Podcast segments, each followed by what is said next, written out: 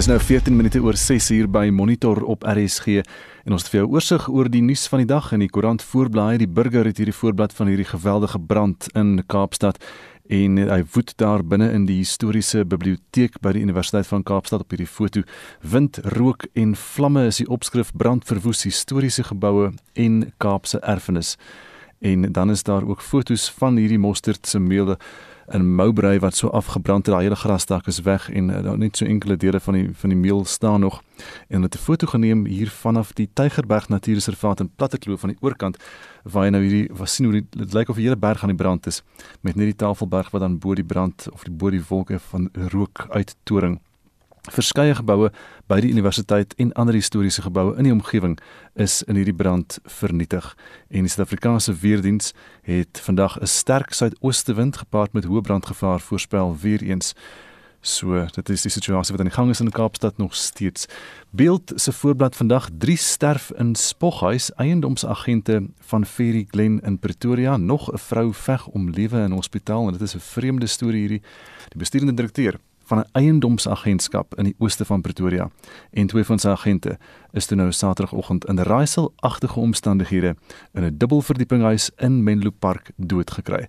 Fotos hier van Mario Pretorius en Theo Kleinhans en hulle sê dit is belangrik dat ons so gou as moontlik uitvind wat die dood van hierdie mense veroorsaak het.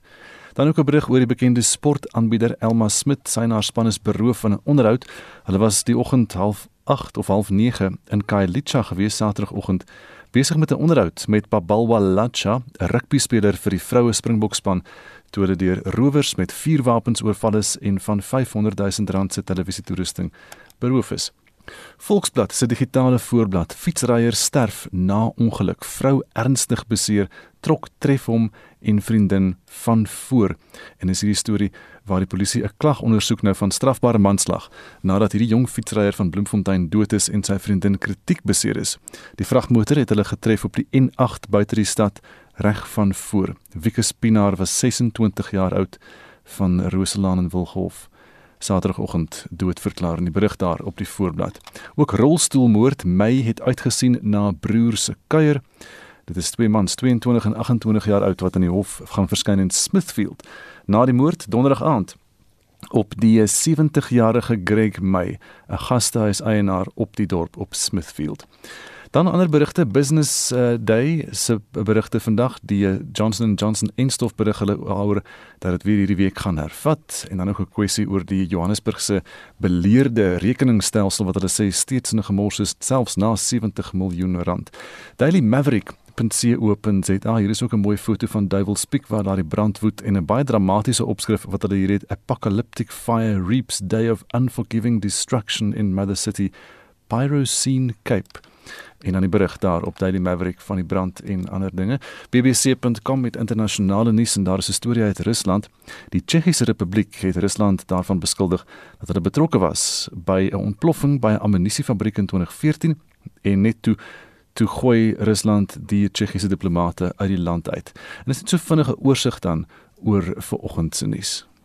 En nou na ons SMS vraag, verskeie provinsiale onderwysdepartemente bespreek vandag by 'n werkswinkel die kwessie of laer en hoërskoolleerdlinge weer elke dag moet skool toe gaan. Ons wil graag by ouers en onderwysers weet of dit belangrik is dat kinders wel elke dag aan die skool moet wees of werk die alternatiewe stelsel waar leerdlinge elke tweede dag skool bywoon. Hoe moet jou kind aanpas behalwe die uitwerking op hulle skoolwerk? Dink jy dit beïnvloed kinders se sosialisering met mekaar? Laat weet ons stuur 'n SMS na 45889 dit kos R1.50 of gaan na facebook.com vorentoe skynstreep zeta RSG of WhatsApp vir ons stemnota na 0765366961 0765366961 En is nou 18 minute oor 6 hier by Monitor. Die Suid-Afrikaanse Mediese Vereniging het die onlangse aanvalle op privaat dokters en hulle praktykpersoneel veroordeel. Die adjunkvoorsitter van die vereniging, Dr. Mvuisi Mzukwa, sê 30 voorvalle is die afgelope paar maande aangemeld waar dokters se spreekkamers die teikens van misdadigers was. Lila Magnus het meer. Die inwoners in Mabopane, noord van Pretoria, is in skok na 'n reeks aanvalle by dokters se spreekkamers in die gebied. We actually don't feel safe because we don't know what actually are these people looking for. Is it pills? Is it appliances? Or is it someone in specific that they're after? Because it's not only Dr. Steenkamp that they actually attacked. We've heard that even in Rankua there was a doctor that was actually attacked. I don't feel safe going to visit a doctor because like what if they come at that time I'm with the doctor consulting find that I'm being attacked or killed while they want the doctor. I feel not safe.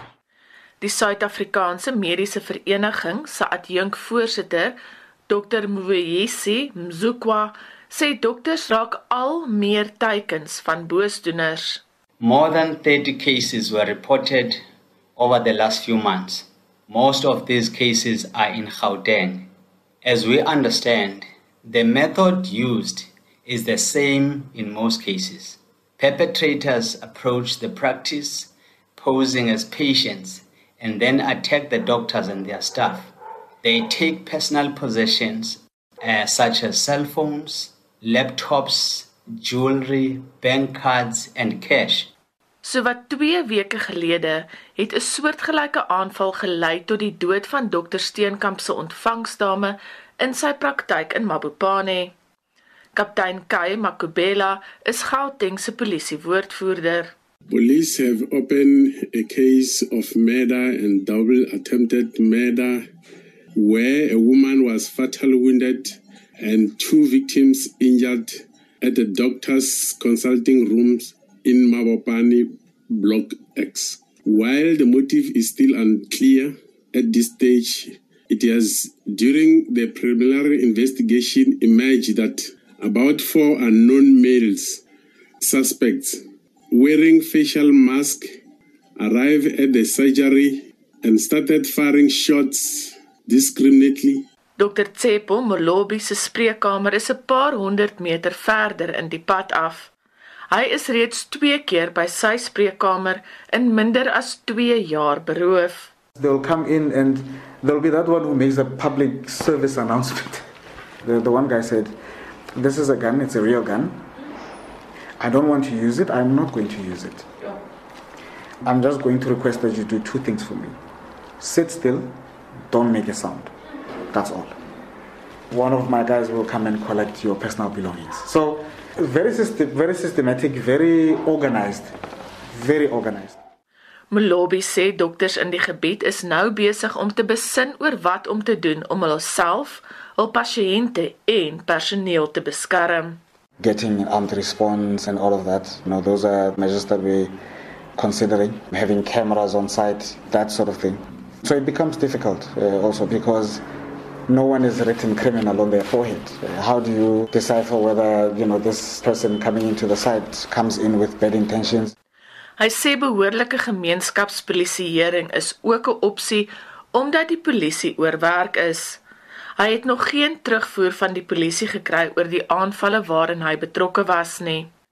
Terwyl die dokters veiligheidsplanne uitdink, sê Mzukwa die land kan nie bekostig dat sy gesondheidssektor in duie stort tydens 'n pandemie nie. This is extremely unacceptable as it places the doctors, the healthcare system at risk, but also the staff and their patients. We call upon the security cluster to do the necessary to bring the situation under control. This is an attack on the entire healthcare sector, which cannot be allowed to continue. And uh, we believe that as the country, we do not want to bring down our healthcare system because we have allowed criminals to roam around and destroy our healthcare system. Die polisie vra mense wat inligting oor die aanvalle het om sy crime stop nommer te skakel. Ek is Lila Magnus vir SAK nuus in Pretoria. Inwoners van Namakwaland in die Noord-Kaap is woedend omdat die plaaslike munisipaliteit versuim om foutiewe elektrisiteitsmeters reg te maak. Dit het daartoe gelei dat inwoners gratis elektrisiteit verbruik, maar nou wil die Namakwa munisipaliteit inwoners verantwoordelik hou vir die krag wat hulle wel gebruik het. Vincent Mofokeng het meer. Irene Fortuin woon in Bergsig saam met haar vier kinders. Die lesing op die kragmeter toon 0, maar sy ontvang elektrisiteit. Sy het die probleem by die munisipaliteit aangemeld. Anamakoi het die boks gekom bypass. En hy's nou nog 'n bypass. En as ek nou rekening miskien kry van 2, 3, 4000 rand, dan kan ek hom nie betaal nie. Want hulle het nog steeds die boksie kom reggemaak. Ek is 'n bakster, ek bak net. Sommige inwoners is woedend en sê dit is onregverdig dat hulle moet opdok vir die munisipaliteit se fout. Ek kan verlede jaar vir die probleem het. Dat ek so pompkrag moes koop het en toe gaan rapporteer ek dit by Namakwa. Toe sê hulle vir my die boks is foutief. Toe het hulle gekom en die krag kom gaan bypass soos hulle gesê het. Daar is so baie mense in Oukiep wat se krag gebypass is en die mense is bekommerd want hulle kry verniet krag.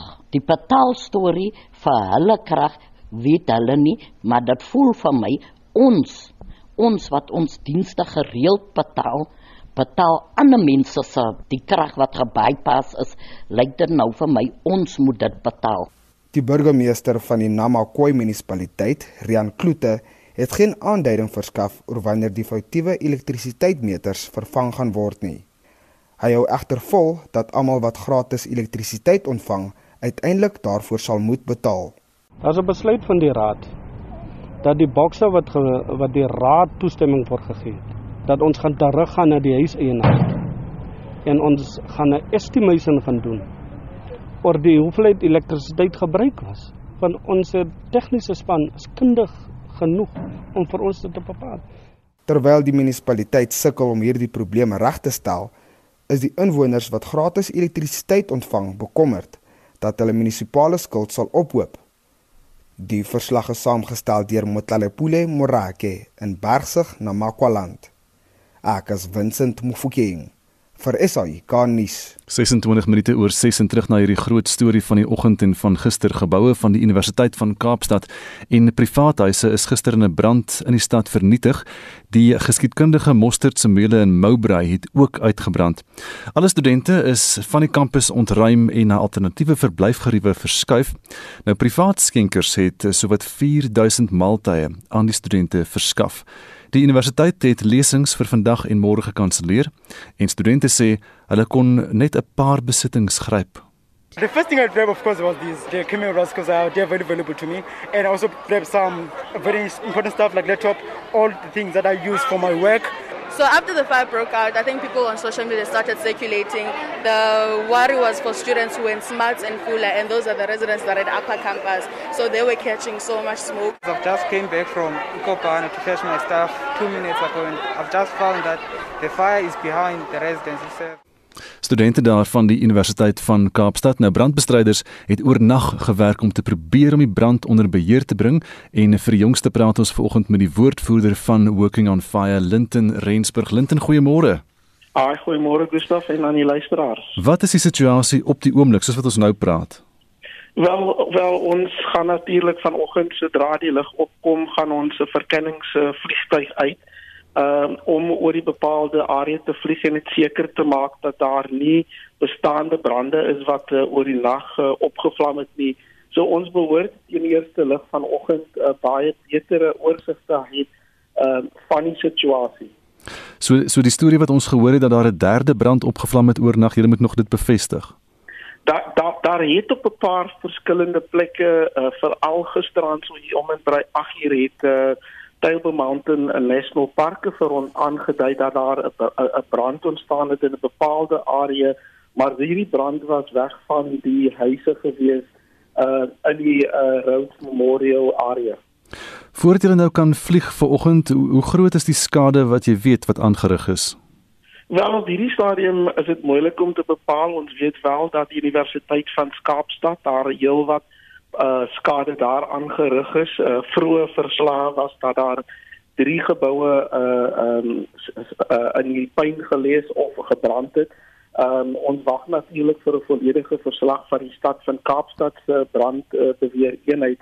Maar ek moet ook sê dit was 'n baie moeilike dag gister gewees uh, toe die brand gisteroggend om en by so 10 uur Hoë Roads Memorial in uh, die Waal Drive of die Philippe Gorsane Drive ontstaan het, uh, dit het baie gou versprei wat dit moeilik gemaak het. Dit was 'n rooi dag gister, dit was baie warm en ook wind het verskeie kere uh, verander in die Rhodes Memorial en die Waldrive omgewing.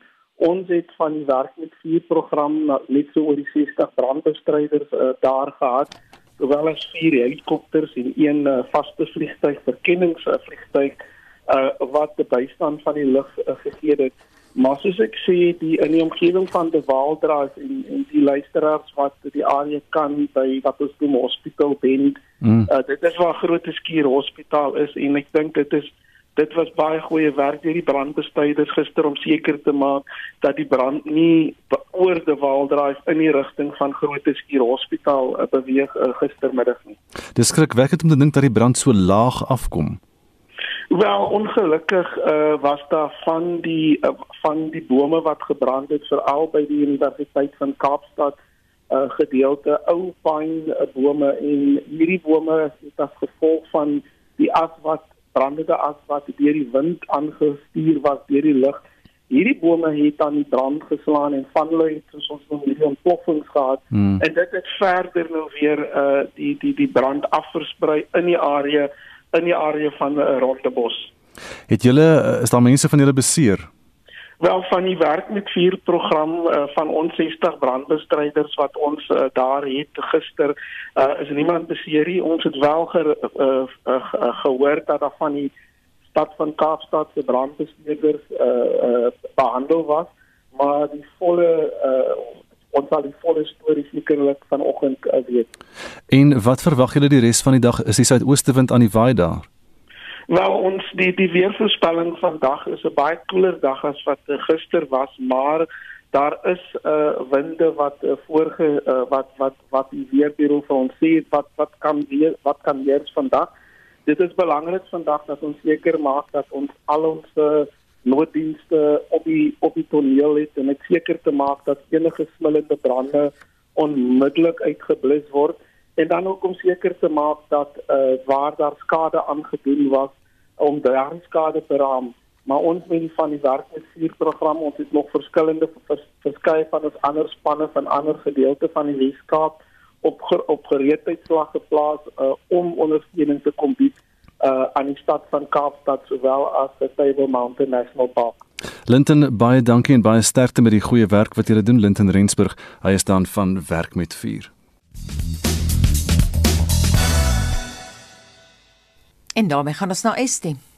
Anita, ons praat vanoggend oor verskeie provinsiale onderwysdepartemente wat vandag vergader om te bespreek of laer en hoërskoolleerdlinge weer elke dag moet skool toe gaan in plaas daarvan om die wisseldae stelsel te volg en Lizet Snyman sê as onderwyser kan ek eerlikwaar sê die stelsel van alternatiewe dae werk nie meer nie. Dit plaas baie druk op ons om die kurrikulum vir elke kwartaal klaar te kry en die kinders ordentlik te onderrig en al die ander fasette wat saam met onderwys gaan moet ook nog aandag kry. En Lizet sê die kinders raak ook nou lui en werk en werk wat huis toe gestuur word word eenvoudig nie meer gedoen nie. En Shanay Hon laat weet ek is 'n mamma van 'n graad R en 'n graad 2. My graad R gaan elke dag skool toe, maar my graad 2 wat skool baie meer nodig het, gaan 2 dae per week skool toe. En wanneer hulle wel in die klas is, verduidelik die juffrou nie meer as een keer wat gedoen moet word nie en my seentjie wat spesifiek ekstra aandag moet kry, het klaar 'n terugslag omdat hulle laas jaar skaars skool gehad het. Ek voel dat hulle meer as 2 dae nodig het en die spanning op my kind is geweldig groot. En Dorien Roos sê leerdlinge moet elke dag skool toe gaan. Daar is baie ouers wat geen inkome het vir afdae nie, maar meer moet betaal en saans na na werk met help met huiswerk wat hulle nie aldag sang verstaan nie. Kinders fokus beslis minder op skoolwerk en syllabus word nie afgehandel nie. En vir onderwysers, so sê Dorien, is dit net leerlinge, maar vir 'n ouer is dit haar kind wat aan die kortste end trek. Ons wil vandag by jou weet by ouers en onderwysers spesifiek, dink jy dis belangrik dat leerders weer elke dag in die skool moet wees of werk die alternatiewe stelsel waar hulle net elke tweede dag skool toe gaan of een week skool toe gaan en een week by die huis is? En hoe moes jou kind by hierdie stelsel aanpas en behalwe vir die uitwerking op hulle skoolwerk, dink jy dalk ook dit beïnvloed jou kind se sosialisering met ander kinders. Stuur vir ons 'n SMS by 45889. Onthou dit kos R1.50.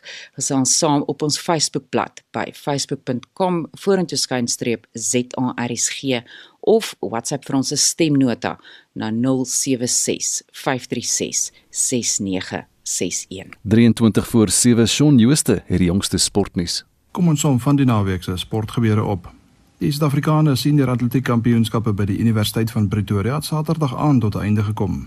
Op die laaste dag het die Olimpiese goue medalje wenner, Wade van die Kerk, die 200 meter in 20.38 sekondes gewen maar kon ongelukkig nie vir vanjaar se spele in Tokio in Japan kwalifiseer nie. Rasul Smay het die mans verspring met 'n poging van 8.16 meter gewen. Justine Balframan het goud in die vroue 200 meter verower en Wendanel het met die eerste plek in die vroue 400 meter hekkies weggestap. Kriket. In die IPL reeks het die Royal Challengers Bangalore die Kolkata Knight Riders gister met 38 lopies oorrompel en het weer die eerste plek op die punteleer ingeneem. Die Delhi Capitals het die Punjab Kings ook met 6 paaltjies getroof. En die Mumbai Indians het die Sunrisers Hyderabad Saterdag met 13 lopies geklop. Rugby. Die Brumbies het die Rebels gister in Melbourne in die Australiese binnelandse Super Rugby reeks met 26-20 verslaan. Die Western Force het Saterdag nalskrap met 31-30 teen die Waratahs gewen. In die Nieu-Seelandse Aotearoa reeks het die Chiefs die Crusaders Saterdag ook nalskrap met 26-25 uitoorlê. Motorsport. Die Red Bull renjaer Max Verstappen van Nederland het eers oor die wenstreep in gister se Italiaanse Grand Prix op Imola gejaag. Dit was die 11de oorwinning van sy loopbaan.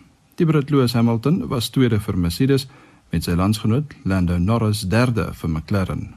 Die Fransman Fabio Quartararo was die wenner van die Portugese MotoGP wedren met die Italianer Francesco Bagnaia tweede en die verdedigende wêreldkampioen van Spanje Juan Mir derde. Suid-Afrika se Brad Binder het 50 geëindig. Sokker. In die DStv Premier Liga het Orlando Pirates 2-0 met Maritzburg United afgereken en Chakuma FC het Mamelodi Sundowns in die Nedbank beker met 6-5 na uitskiet doele verras en na die eindstryd teen Chippa United deurgedring. In die Engelse FA beker halfeindstryde het Leicester City 1-0 teen Southampton en Chelsea ook 1-0 teen Manchester City geseëvier. Die tellings in gister se Engelse Premier Liga wedstryde was Manchester United 3, Burnley 1 en Arsenal 1, Fulham 1. Die tellings in die ander liga se groter wedstryde was in Italië, Atalanta 1, Juventus 0 en Napoli 1, Inter Milan 1. En dan in die Bundesliga in Duitsland, Borussia Mönchengladbach 4, Eintracht Frankfurt 1 en Wolfsburg 2, Bayern München 3.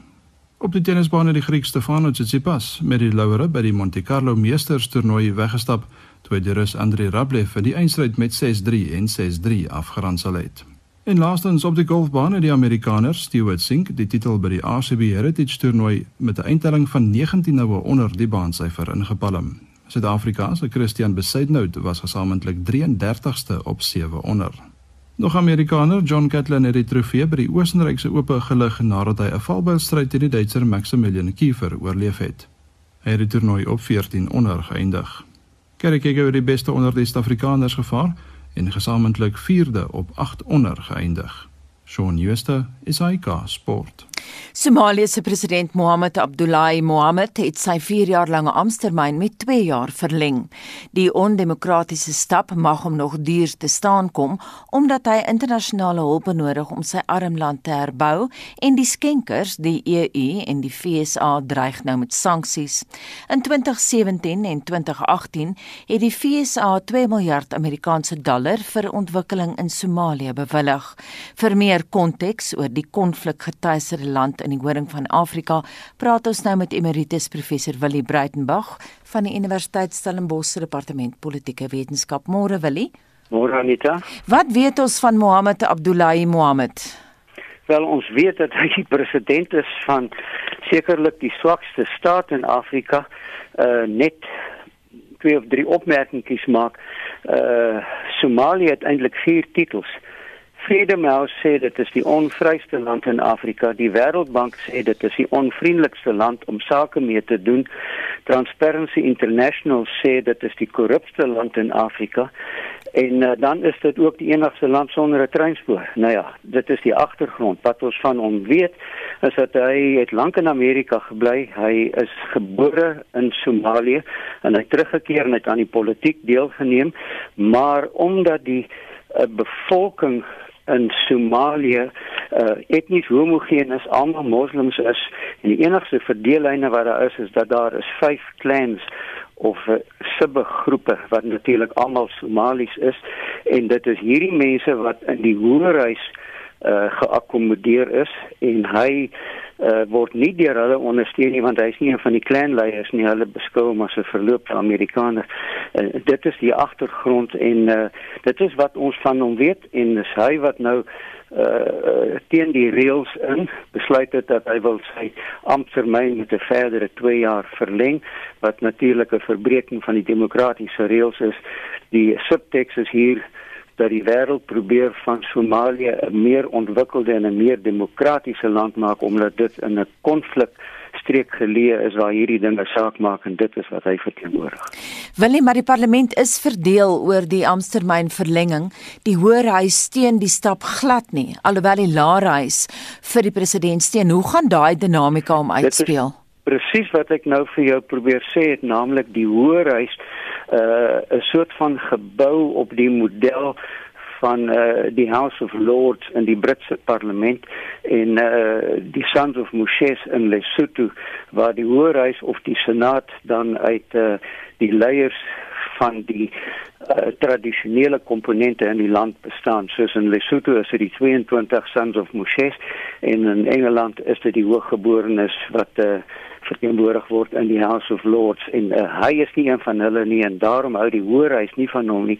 Hy het wel 'n magsbasis in die Laerhuis waar hy tog 'n verkiesing gewen het en uh, omdat dit 'n pluspunt vir die demokrasie was is dit nou uh, skep dit uh, ontevredenheid onder diegene wat dink dat hulle is besig om 'n demokrasie in Somalië te bou as hy self die eerste reël uh, breek naamlik dat hy hom nie steur aan die terme van sy uh, verkiesing nie naamlik dat hy kan dit nie verleng nie en hy het dit nou op ondemokratiese manier probeer verleng.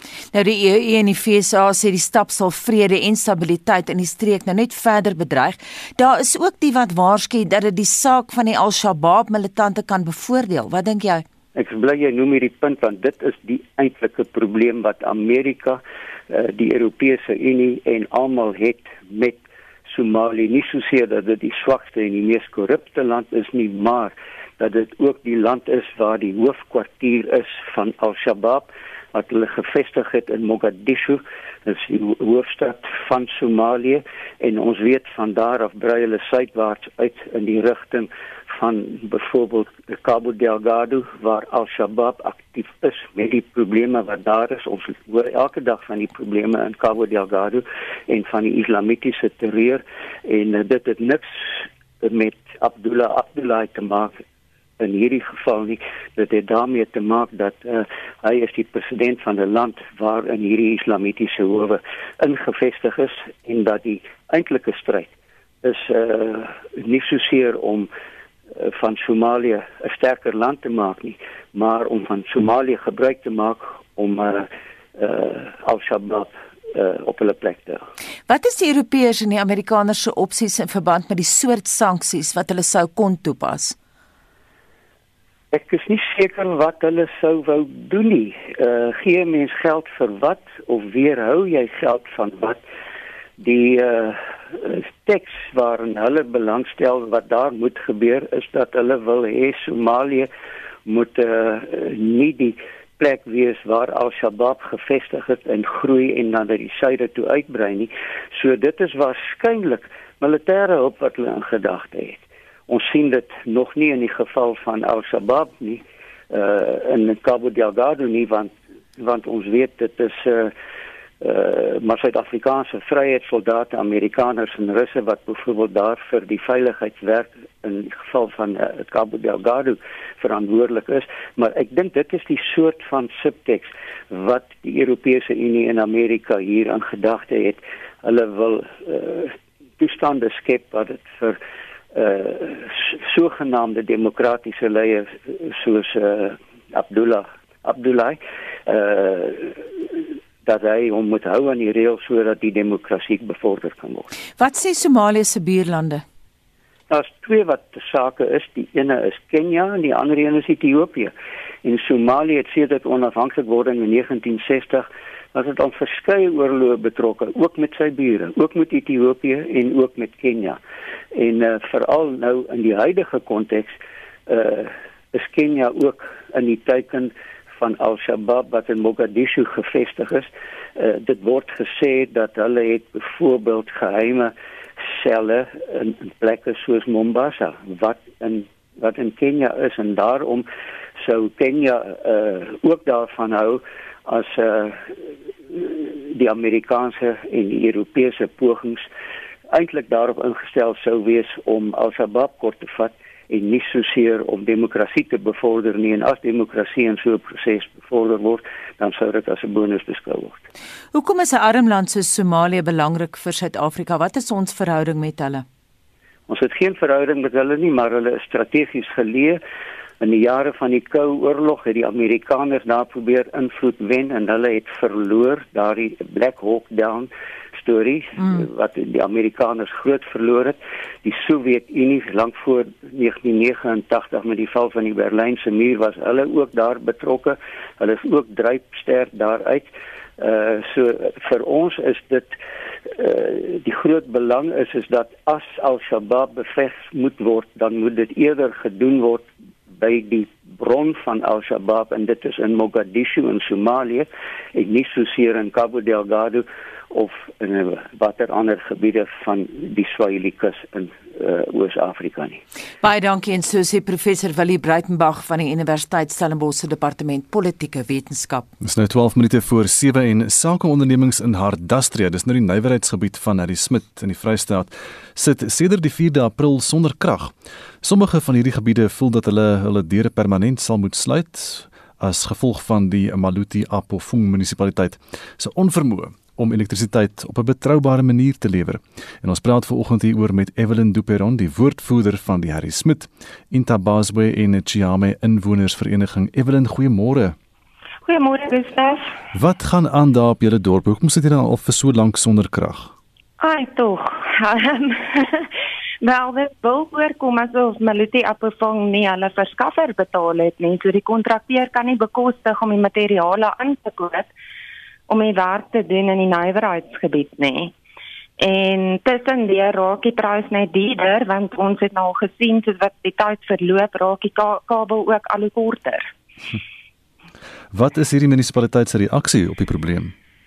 Tot dusver nie veel nie. Um jy weet van ons perspektief af ons sien maar oor die social media WhatsApp groepe en daai dinge dat ons wel ook um politieke druk kry op hulle en daar word gebly sê hulle kom terug na ons toe.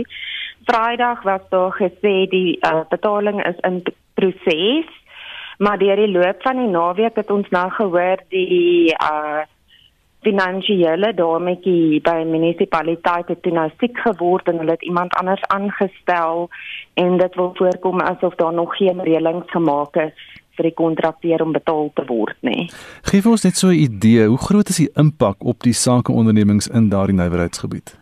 Wel, as jy nou sou vat ons nywerheidsgebied is al 15 dae sonder krag. Die minimale koste wat ek tot dusver nog gehoor het op diesel uitgawes is 3000 'n dag. Dis minimaal. Van van, van my besighede is groter daar. So as jy dit nou vat oor 20 besighede maal met 15 dan staan ons nou al op 'n hele paar rand hierso net in diesel. Boonbehalwe vir dit moet 'n mens ook onthou 'n uh, kragopwekker is aangekoop vir noodgevalle. Dit is nie aangekoop om 'n hele besigheid te bedryf nie. So ons sit onder andere met byvoorbeeld 'n hoenderplaas wat nou wil toemaak want hulle kan nie bekostig om hunners warm te hou in hierdie tyd nie. So dis verliese in verkope, dit is verliese nou soos in hierdie geval van medikasie vir die hoenders. Dit is verliese in dienslewering. So die impak is geweldig groot op daai mense. Geef ons 'n idee van julle nywerheidsgebied. Hoe groot is dit want ek neem aan is nogal taamlik groot want is daar op die kruispaaie, so die mense wil graag daar daar wees. Wat 'n soort van ondernemings is daar? Wel jy kyk na soos um Tokawes. Jy kyk na um maatskappye wat spesialiseer in padwerke. Jy kyk na allerlei. Ons het 'n gastehuis daar so wat baie populêr is, ook Lalanati. Hulle kan ook nie funksioneer nie. Ons het so 20 tot 25 ondernemings in daai area. Wat wil julle hê watter soort van ingryping verwag julle? Nou ons verwag dat hulle die krag so spoedig as moontlik al aankry. Dis nommer 1. dis nie, dit is dis die munisipaliteit self, maar dan da, van van bo hulle af ook. Van bo hulle af ook sal ons graag wil hê dat hulle moet begin kyk om my besighede te vergoed. Want dit is die kragprobleme na Adastria is rarig 'n groot probleem net om vir jou idee te gee. Ek het rolweg oor een van hulle groepe gekyk waar hulle onder krag is van hier by die 8ste Augustus tot en met die 11de April. En jy weet, jy kyk na 63 dae waar daai mense geen krag gehad het of waar 'n besigheid nie krag gehad het as gevolg van die gehad van die munisipaliteit. So as ons ook teruggaan na laas Desember, het hulle ook kragprobleme gehad. So ek dink as ons oor die afgelope jaar of twee gaan kyk, sal ons agterkom dat daai nywerheidsgebiede um hulle trek swaar onder hierdie munisipaliteit want hulle word ook altyd laaste gelos vir kragvoorsiening. Ja. So, Evelyn Hulle moet maar iewers kyk hoe gaan hulle hierdie besighede ondersteun want dit raak letterlik onmoontlik vir hulle om so aan te gaan. Evelyn baie dankie en baie sterkte daarop Harry Smit. Dit is dan die kwessie daar met die krag in Hardastria, Harry Smit se nywerheidsgebied in die Vrystaat en dit was Evelyn Duperon, sy is die woordvoerder van die Harry Smit Intabaswe en Chame inwonersvereniging. En van die Vrystaat na die Kaap, die geskorste DA-leier in die Wes-Kaap en LER vir vervoer, Bongenkosi Madikizela, sê hy neem volle verantwoordelikheid vir die fout wat hy in sy dokument oor loopbaanbesonderhede gemaak het.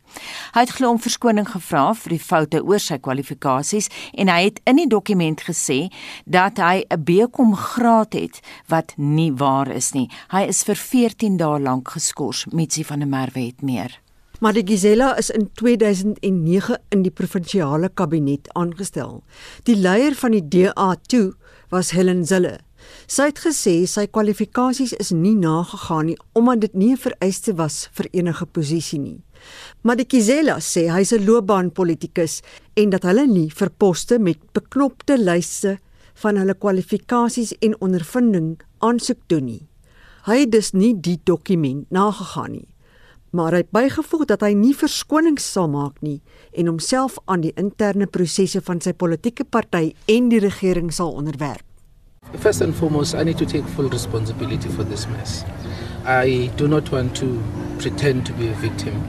This is an old CV, and because I'm a career politician, I don't normally really, you know, look at my CV. I remember at some point there was the word incomplete, but for some reason it disappeared.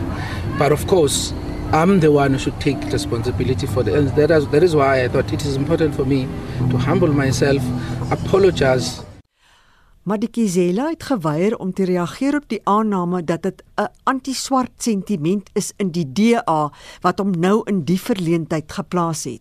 But I want to make it very clear that we have individuals within the DA who think they own the DA, who think we are visitors in the DA, and those are the individuals that we need to deal with. And some of those people have been coming for me for as long as I can remember. It's not something new. You remember that every time I stand for a position, whether in government or in the party, I go through this. Hy sê daar is mense wie se name hy nie bekend sal maak nie wat hom wil blokkeer om aan die burgemeesterstryd vir die Kaapstad se metro in die komende plaaslike regeringsverkiesings deel te neem maar die Kizela is een van 3 mense wat vir die posisie meeding. Intussen het die ALR vir menslike nedersettings, Tertius Simmers, wat waarneem in Madikizela se amp, beweringe ontken dat hy sy akademiese kwalifikasies vervals het. 'n Foto is op die sosiale media rondgestuur waar volgens daar 'n BCom graad op Simmers se loopbaan opsomming is. maar die kwalifikasie verskyn nie op sy oorspronklike loopbaan dokument nie. It is with great content and concern that I note the fake news that has been circulated on social media in various forms by utilizing a fake screenshot of a clearly fake LinkedIn ID account with specific qualifications attached to my name, which is not the truth because my real LinkedIn ID account and CV does not make any mention of a BCom and never has. Madikizela moet nog voor die party se federale regskommissie verskyn waarvan die datum bekend gemaak moet word. Die hoofsweep van die DA in die parlement, Natasha Mazoni, is ook daarvan beskuldig dat sy oor haar kwalifikasies sou gejok het, maar sy het dit ontken. Sagrichetti het hierdie verslag saamgestel. Mitsi van der Merwe, SAK nuus. Estie Anita luisteraar skryf vir ons ek's 'n onderwyser en die alternatiewe daagstelsel werk nie. Die leerders kry nie goeie leiding en ondersteuning by die huis nie en baie ouers gee nie om nie of weet nie hoe nie. Die onderwysers se stresvlakke styg want die graad 2's kan nog nie eens eenvoudige teks lees nie. Dis 'n groot kommer vir opvoeders en dit is ook baie uitputtend om so te onderrig. En Corrie Swart laat weet my persoonlike ondervinding is dat die 3 dae aan en 2 dae af die leerders lui maak en dit is selfs erger by skole waar leerders 1 week tuis en 1 week by die skool is. En ter wille van die akademiese program persoonlike ontwikkeling en dissipline is dit belangrik dat die leerders weer in volle rotine kom. En dan sê Wendy Lindetjie, kinders kry verseker makliker en meer individuele aandag op 'n rotasiebasis. Dit was 'n groot aanpassing, maar dit werk baie goed by ons skool. Ek is weer terug met nog van jou terugvoer net so na 08:30 vanoggend. Dit is nou byna 7 uur bly ingeskakel by Monitor want later vanoggend praat ons eh, in diepte met die reguleringsowerheid vir gesondheidsprodukte in Suid-Afrika wat aanbeveel het dat die tydelike staking van die toediening van die Johnson & Johnson en stof opgehef moet word. Bly by ons, dis nou 7 uur en tyd vir die nuus.